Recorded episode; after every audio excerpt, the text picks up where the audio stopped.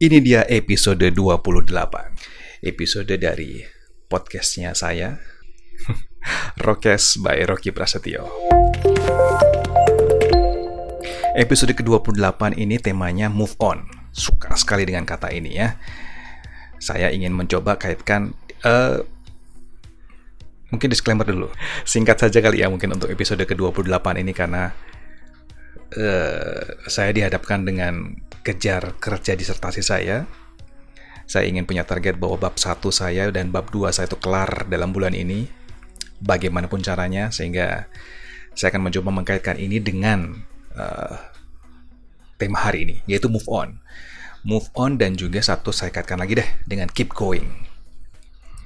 Uh, dari sejak tahun 2018 akhir gitu ya, kemudian penelusuran saya terhadap sebuah nilai-nilai kehidupan, nilai-nilai perjuangan kehidupan begitu ya. Begitu banyak buku-buku self-improvement, self-help yang sudah saya baca. Saya berharap podcast ini juga suatu saat akan didengarkan oleh anak-anak saya bahwa nilai perjuangan hidup itu dimulai dari diri sendiri, bukan dari orang lain. Buku-buku seperti self-help, self-motivation memang cukup membantu, sangat membantu. Mengingatkan kepada kita, apalagi jika kita adalah seseorang yang memang penutup atau introvert buku-buku self-help atau self-motivation atau pengembangan diri akan membantu kita membentuk diri kita untuk membantu mencari jati diri kita sendiri.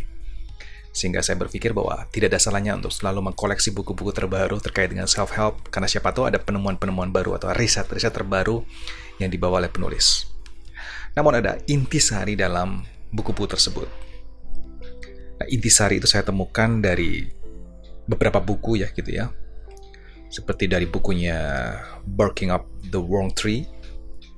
Kemudian ada bukunya Angela Duckworth gitu ya dengan judul Grit. Itu beberapa kali sudah sudah saya bahas sebenarnya dalam uh, podcast gitu ya.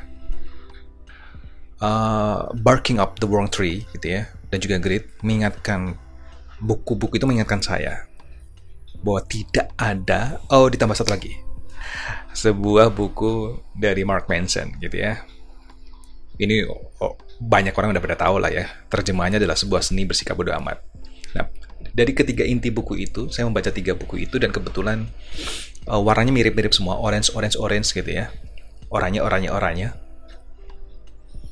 Kalau saya lagi lagi lagi gundah untuk untuk bergerak gitu ya, saya membaca kembali tiga buku itu karena semacam mengingatkan saya bahwa Rocky tidak ada hal yang lain jika kamu menemui kesulitan, itu hadapi.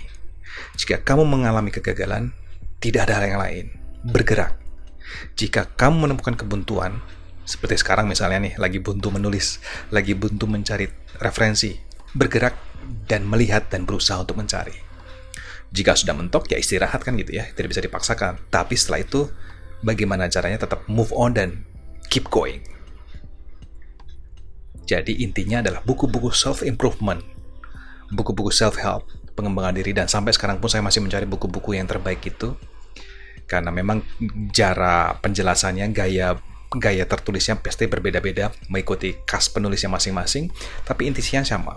Bagaimana kita harus selalu bergerak, keep moving, keep going, tidak ada yang lain.